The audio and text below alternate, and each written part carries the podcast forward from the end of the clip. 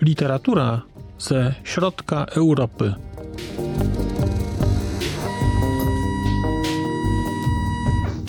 Podcast około książkowy.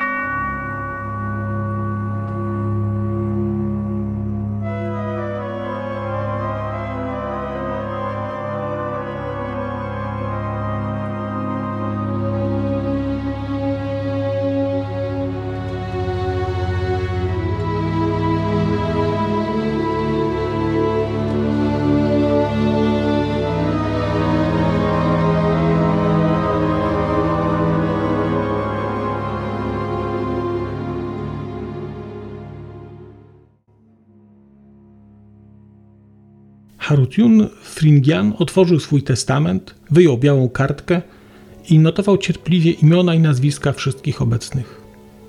Jeśli nie znał osoby, mój dziadek, siedząc za nim, podpowiadał mu szeptem przez ramię. Potem dmuchał na kartkę, aby wysechł atrament, wygładził ją, położył na środku garść prażonych orzechów i zapakował ją starannie. Przyszedł Onik Tokatlian i złożył do pudełka swoje oko – które wypłynęło z twarzy roztrzaskanej od kuli. Zamyślił się, po czym dodał opuszkami palców także obraz tego oka z lustra. Minas, ślepiec, szedł zdecydowanym krokiem, trzymając nad głową kaganek, z którym nocą prowadził samotnych podróżnych. Potem zdmuchnął płomień przed złożeniem kaganka, bo w świecie poza granicami pudełka on mógł widzieć, ale inni byli ślepi jak niegdyś on.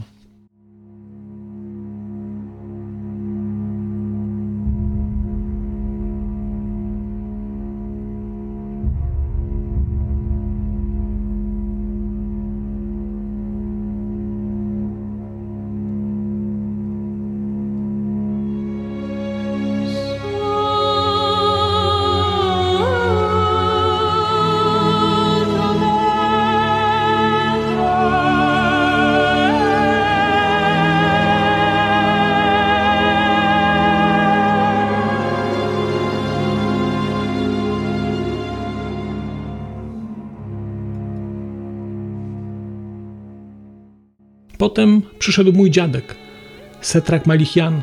Uśmiechnął się, ukazując ten uśmiech, który był odpowiedni zarówno w chwilach radości, jak i w chwilach smutku. Wyjął z kieszeni różaniec, zrobiony z pestek oliwek nanizanych na nitkę, przesunął je powoli między palcami i umieścił ostrożnie jak okrąg nad innymi przedmiotami.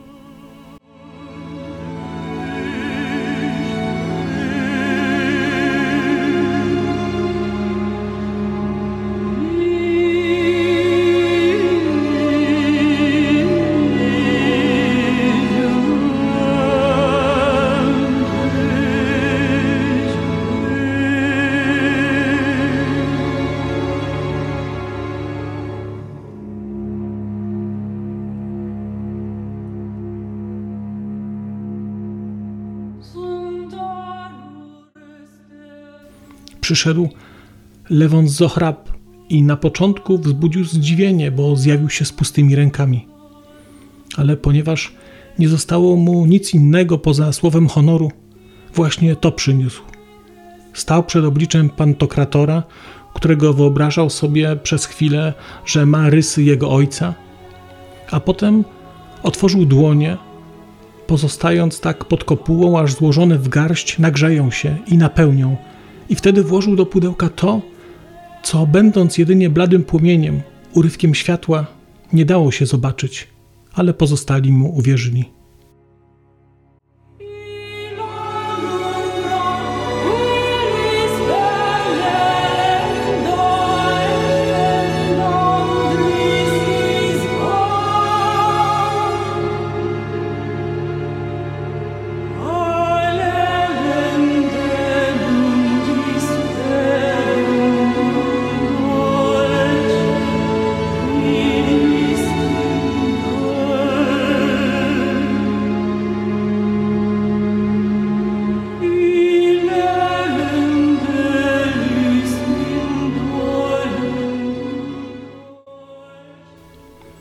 Potem przyszedł Koren Melichian, starszy kuzyn mego dziadka, i przyniósł drobny i brązowy proszek kawy, którą rozsypał nad wszystkim jak garść ziemi.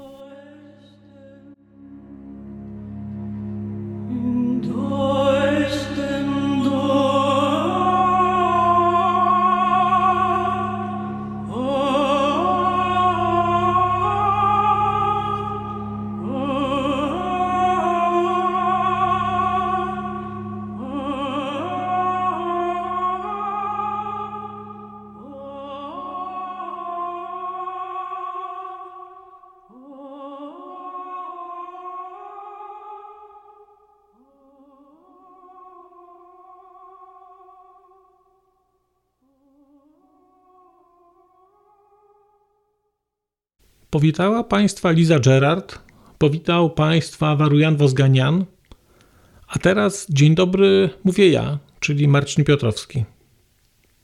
Bardzo mi miło, że spotykamy się dzisiaj w nieco innej formie, żeby porozmawiać o książce pod tytułem Księga Szeptów. A forma jest inna, dlatego że kiedy czytałem Księgę Szeptów i kiedy zdecydowałem, że chcę coś o niej opowiedzieć, to wydaje mi się, że nie bardzo bez ilustracji muzycznych nie bardzo byłbym w stanie o tej książce mówić. I zastanawiałem się, czy bardziej pasuje tutaj do tej ilustracji muzycznej e, trzecia symfonia Góreckiego, czy płyta The Mirror Pool e, Lizy Gerard. I jednak wybrałem Lizę Gerard, dlatego że spośród wszystkich płyt, które znam, gdybym miał wybrać jedną płytę, która zostanie ze mną do końca życia, to właśnie byłaby to płyta Lizy Gerard The Mirror Pool i dlatego ta płyta ilustruje tę książkę. Dlatego, że muszę przyznać Państwu, że ja nie czytam poezji. Żałuję, ale nie czytam. A czytając książkę Wariana Wozganiana Księga Szeptów, miałem wrażenie, że czytam poezję. Oczywiście ta książka nie jest klasyfikowana jako poezja. To jest proza. Ale powiedzenie o tym, że ta książka jest prozą, jest, e, wydaje mi się, nadużyciem. Dlatego, że Księga Szeptów jest czymś, co mam wrażenie przekracza gatunki, czymś, co jest opowieścią o narodzie, opowieścią o historii, opowieścią o śmierci, opowieścią o boleści. I teoretycznie jest to proza, natomiast praktycznie to jest, e, to jest ponad 400 stron poezji, która jest zapisana jak proza, która ma formę prozy, ale która jest poezją od pierwszej litery do ostatniej kropki. Warian Wozganian jest y, ormiańskim, rumuńskim mm, poetą, ekonomistą, myślicielem. I wyczytałem, że on w ogóle był zgłoszony do literackiej Nagrody Nobla przez trzy kraje. I y, o ile na początku mnie to dziwiło, to po lekturze tej książki przestało mnie to dziwić, y, bo ta książka jest na tyle wybitna, że nie dziwi mnie to i nie dziwi mnie też to, że, że kilka krajów chce się do dziedzictwa e, Fosganiana, czy do twórczości Fosganiana no, gdzieś łączyć je z sobą. Więc mamy oczywiście Rumunię, dlatego że Warian Fosganian jest obywatelem rumuńskim, ale jest Ormianinem. A cała książka, Księga Szeptów, jest opowieścią o historii Ormian, właściwie o 50, no może nieco więcej, o 60 latach z historii, historii Ormian, z historii ludobójstwa, które się wydarzyło na początku, na początku XX wieku. I z jednej strony są, jest ta historia, która wydarza się dawno, dużo dawniej, czyli na początku XX wieku. Z drugiej strony jest historia diaspory y, ormiańskiej, która jest porozrzucana po świecie. Ale w tym konkretnym przypadku jesteśmy w diasporze y, ormiańskiej, która funkcjonuje w Rumunii, konkretnie w miejscowości czy w wiosce, która się nazywa Fokszany. I ta książka jest, Księga Szeptów jest opowieścią o tym, co było, jest pomnikiem tradycji, pomnikiem kultury materialnej i niematerialnej, pomnikiem świata, który zanika.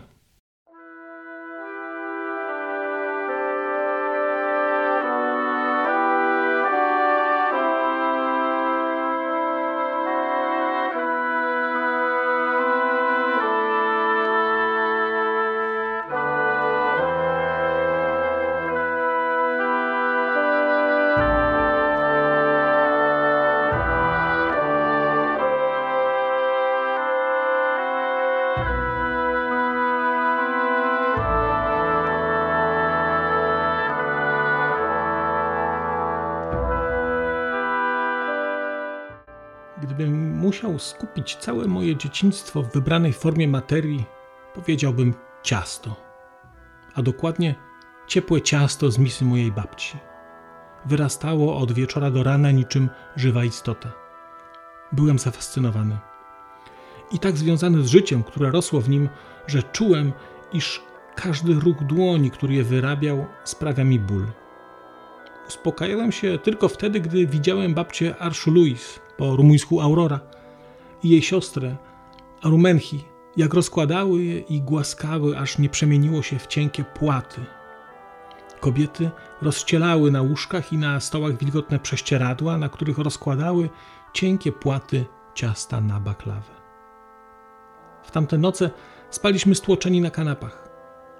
Płatom ciasta nie powinien przeszkadzać żaden ruch ani żaden hałas. Przechodziliśmy pomiędzy nimi ostrożnie i mówiliśmy szeptem. Od czasu do czasu babcia budziła się i przy świetle lampy naftowej smarowała je olejem zbełtanym z jajkiem. Rankiem, wysuszone jak płytki gliny i szeleszczące jak zeszłoroczne siano, układano je jedno na drugim.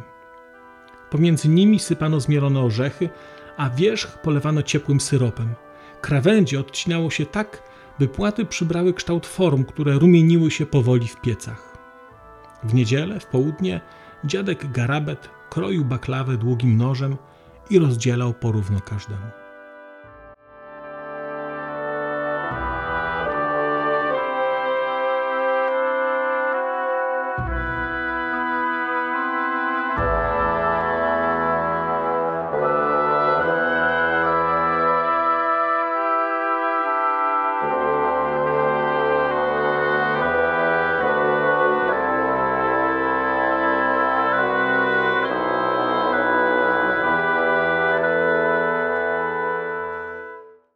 Tego samego noża używał do krojenia suszonej wołowiny, którą nazywaliśmy po turecku pastyrma.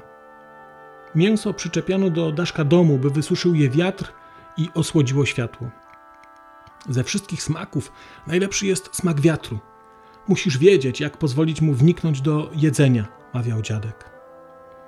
Suszone mięso wkładało się dla zmiękczenia do pasty zwanej cemen, przysyłanej z rywania. Dziadek brał do ręki nóż i odcinał pierwszy plaster. Wychodziłem na podwórze i patrzyłem przez plaster czerwonawego mięsa. Nie widać księżyca, mówiłem. A dziadek odpowiadał: To niedobrze. Ostrzył nóż na wilgotnym kamieniu i ucinał kolejny plaster. Cienkie mięso, przez które przenikały promienie księżyca, przybierało żółtawy kolor. Teraz widać, mówiłem. To dobrze, stwierdzał dziadek. Światło i wiatr są najsmaczniejsze spożywane razem. Wtedy owoc jest wystarczająco dojrzały, a mięso kroi się jak należy.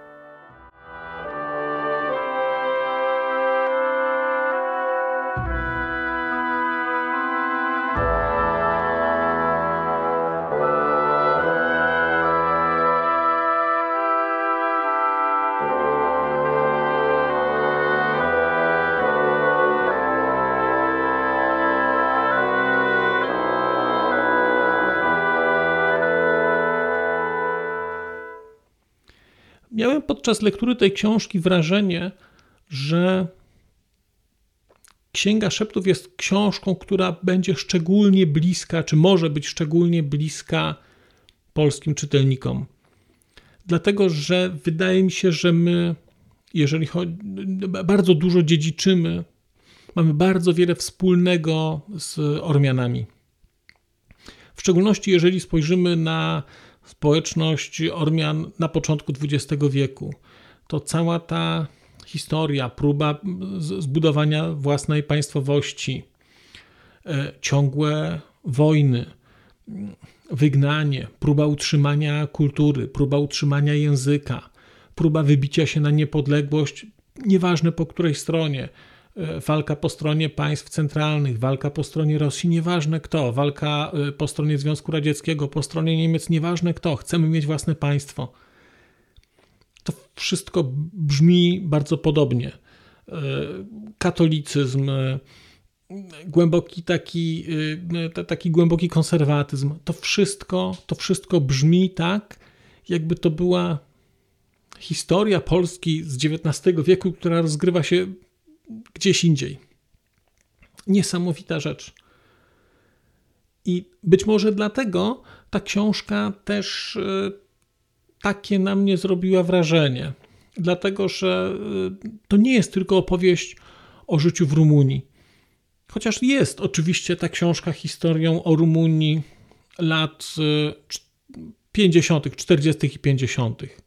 Tak, oczywiście, no bo ta akcja tam się rozgrywa. I widzimy, jak ta społeczność usiłuje żyć, jak ta społeczność usiłuje funkcjonować w świecie który po wojnie radykalnie się zmienia,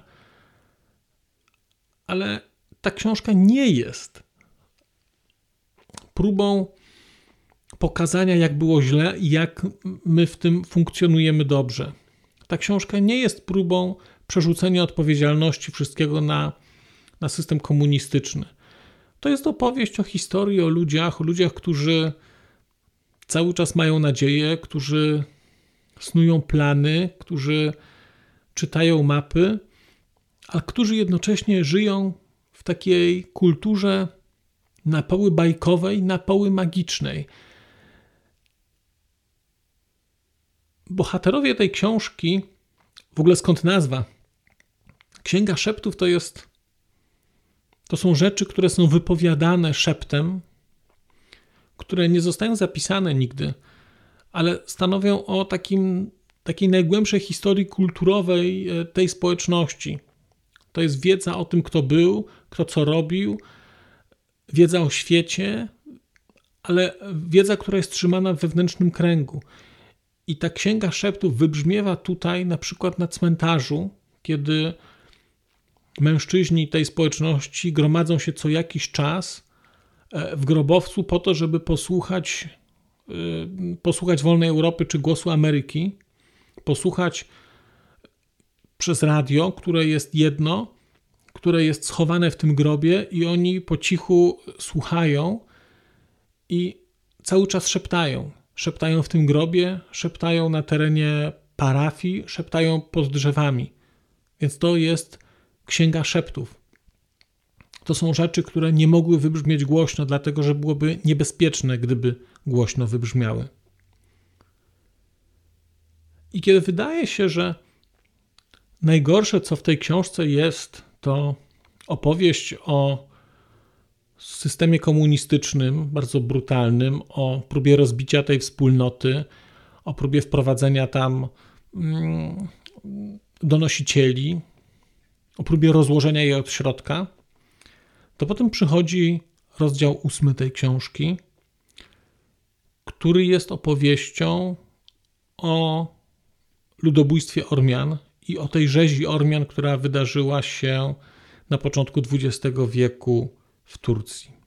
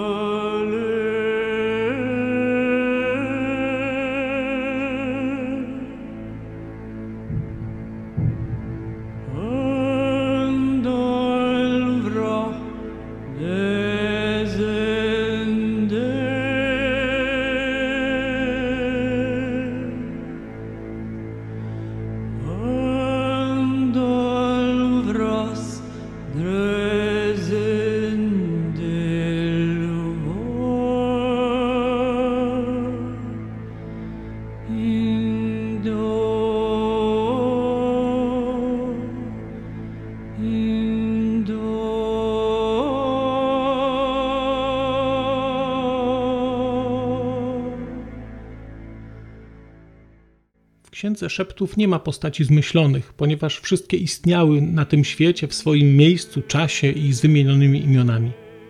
Tylko jedna postać może wydawać się wyimaginowana. Jej istnienie bowiem przekształca Księgę Szeptów w rzeczywistość stopniową, która pomnaża siebie samą jak dwa umieszczone naprzeciwko siebie lustra. Wśród tak wielu realnych postaci niektóre nazwiska znajdziecie w podręcznikach do historii, inne pojawiają się wyłącznie w Księdze Szeptów. Chociaż księga opowiada najczęściej o przeszłości, nie jest to książka historyczna, bo w nich mówi się przede wszystkim o zwycięzcach. Jest ona raczej wyborem psalmów, ponieważ opowiada głównie o pokonanych. A wśród bohaterów ksiąg znajduje się też taki, który nie istniał, a mimo to, lub może właśnie dlatego, ma nawet imię Jusuf. Ten Jusuf to pożyczone imię i istnieje w Księdze Szeptów tylko dlatego, że choć nie wchodził w skład księgi, jest jednak kluczem, który otwiera drzwi do najbardziej opłakiwanego pomieszczenia z końca wieku – z gołymi ścianami podrapanymi paznokciem, z zerwanymi podłogami i usypanymi kopcami ziemi, niedbale, tak jak to bywa w przypadku wykopanych w pośpiechu grobów.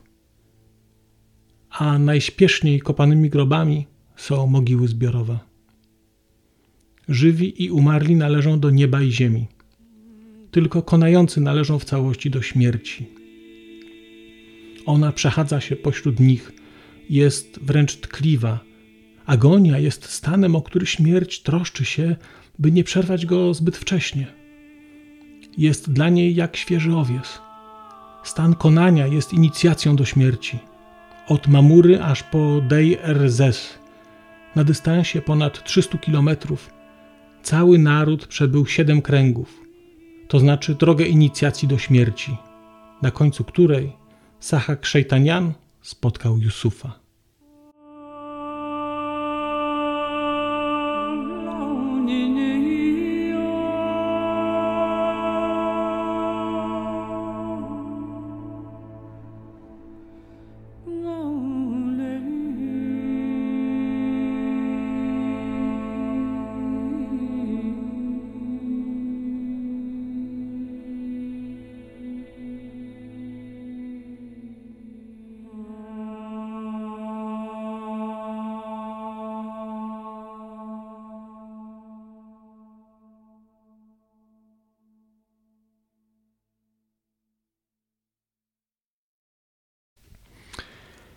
Ta historia o tej wędrówce, tutaj jest pokazanych to jako chyba osiem kręgów inicjacji, osiem kręgów cierpienia.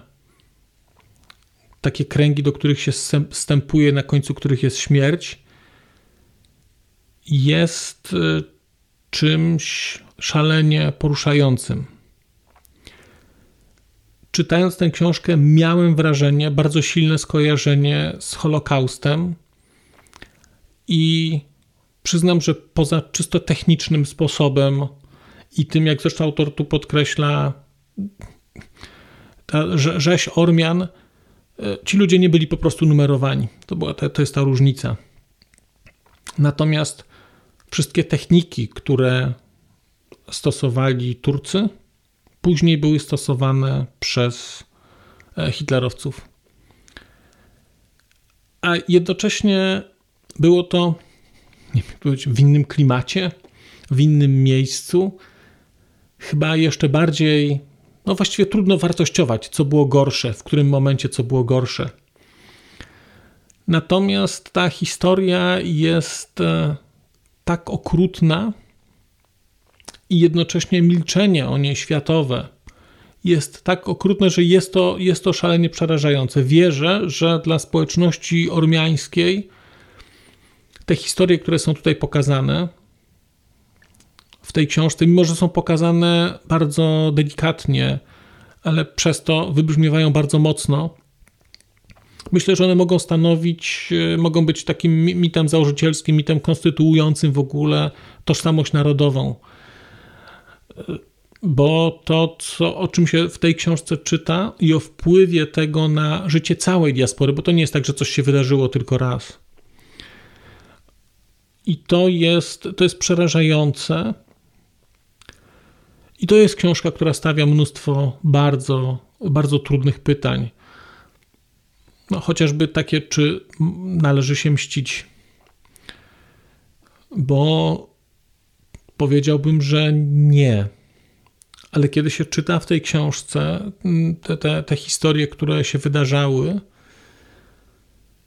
to po przeczytaniu nie ma się takiej pewności. To znaczy, kiedy potem widzimy tak zwaną akcję Nemezis, czyli mniej więcej odpowiednik y, tego, co państwo Izrael potem zrobiło, y, polując na tych y, głównych nazistów, no to Tur bo Ormianie zrobili to wcześniej, polując na, na, tych, na tych inspiratorów i głównych wykonawców tego, tej rzezi, no to człowiek zastanawia się, czy jednak pewne rzeczy nie są, nie są usprawiedliwione. Ta książka stawia takie pytania. Jednocześnie ta książka też stawia pytanie o Turcję. O to, kim jest kraj, który morduje całą społeczność, i o to, czym jest kraj, który zrobił to raz, a, a później systematycznie eksterminuje e, społeczność kurdyjską. I to są, i to są trudne pytania, i wydaje mi się, że no, chyba ważne do powiedzenia. No ale tutaj mamy, ale tutaj mamy księgę szeptów. Mamy księgę szeptów, która jest e, chyba najpiękniejszą książką, którą miałem okazję czytać w, w ogóle. Różne książki zachwycają różnymi rzeczami, natomiast ta zachwyca i historią, i formą, i taką delikatnością opowieści, ale jednocześnie ta delikatność jest jak e, delikatność pajęczej nici, która jest spleciona, a przez to, a przez to bardzo silna. Ogromny, ogromny szacunek dla tłumaczki, dla autorki przekładu tego, bo to, że ktoś to napisał, to jest jedno.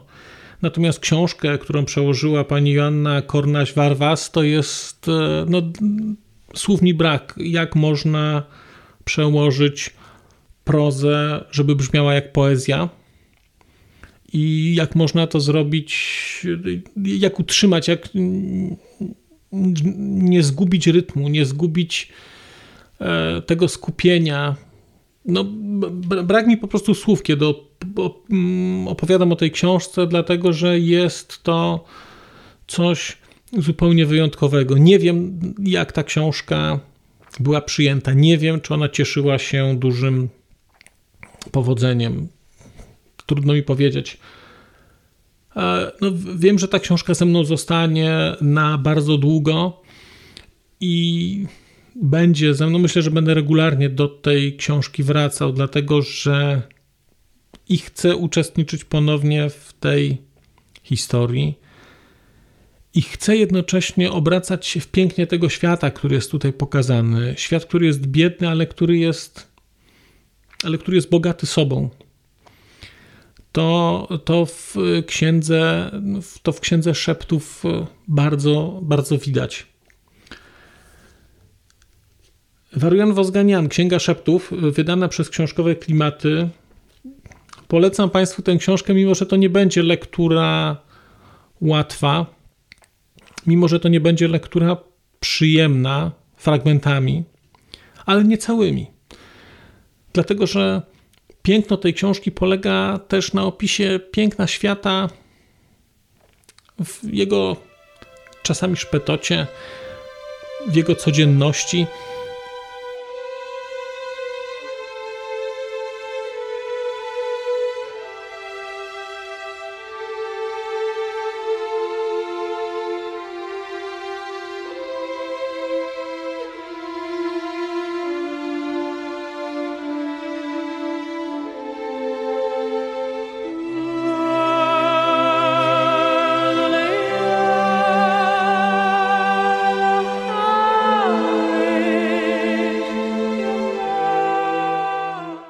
Urok tej książki i piękno polega na tym, że ona opisuje wszystko w sposób piękny.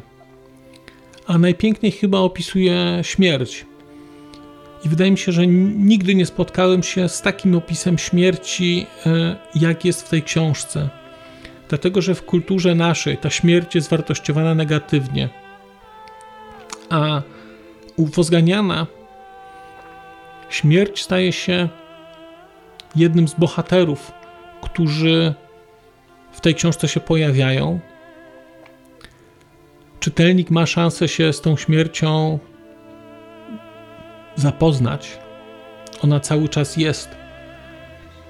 I fakt, że ta śmierć nie jest wszystkim, że ta śmierć jest. potrafi się wstrzymać, potrafi przyjść wtedy, kiedy potrzeba, potrafi czasami odejść, potrafi wstrzymywać przy życiu, potrafi się troszczyć. Coś, coś nie, niesamowitego. Przy ostatnim odcinku o książce Matei Brunul załączyłem link do filmu, który opowiadał o historii trzech braci z Harry Pottera. Ta śmierć, która jest pokazana u Wariana Fosganiana, jest gdzieś śmiercią taką, która pojawia się w tamtym filmie. Ja też załączę go ponownie. To jest śmierć, z którą się dogaduje. To jest śmierć, która, jeżeli człowiek jest, zasłuży, to ta śmierć przyjdzie wtedy, kiedy zostanie poproszona o to, żeby przyjść, ale nie zostanie wezwana, dlatego że nie wzywa się przyjaciół. Przyjaciele po prostu przychodzą wtedy, kiedy ich potrzebujemy. I to jest. E, o tym, o tym jest Księga Szeptów. Ta Księga Szeptów jest chyba, tak myślę sobie, historią o pięknie śmierci i o tym, że że nawet jeżeli się umiera, to można żyć dalej.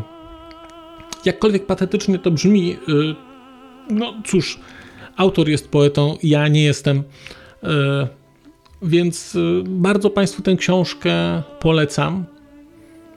Pytanie, czy mam prawa do utworów, które wykorzystałem w tej audycji? Nie, nie mam praw, ale dałem sobie prawo, dlatego że Księga Szeptów jest rzeczą na tyle istotną, że wydaje mi się, że prawa ludzkie chyba jej nie tyczą. Bardzo Państwu dziękuję za wysłuchanie i zapraszam do kolejnego spotkania za czas jakiś. Do usłyszenia.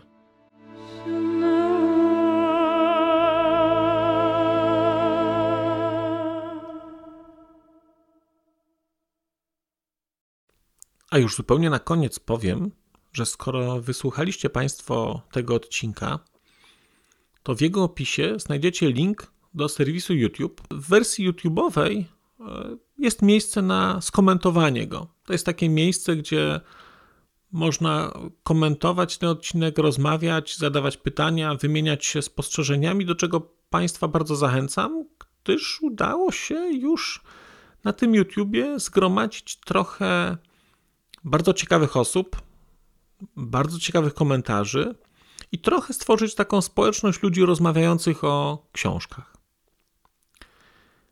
Też na koniec, zupełnie na koniec, e, poproszę Państwa o wystawienie oceny mi w ramach e, tych platform podcastowych, na których Państwo tego odcinka wysłuchaliście.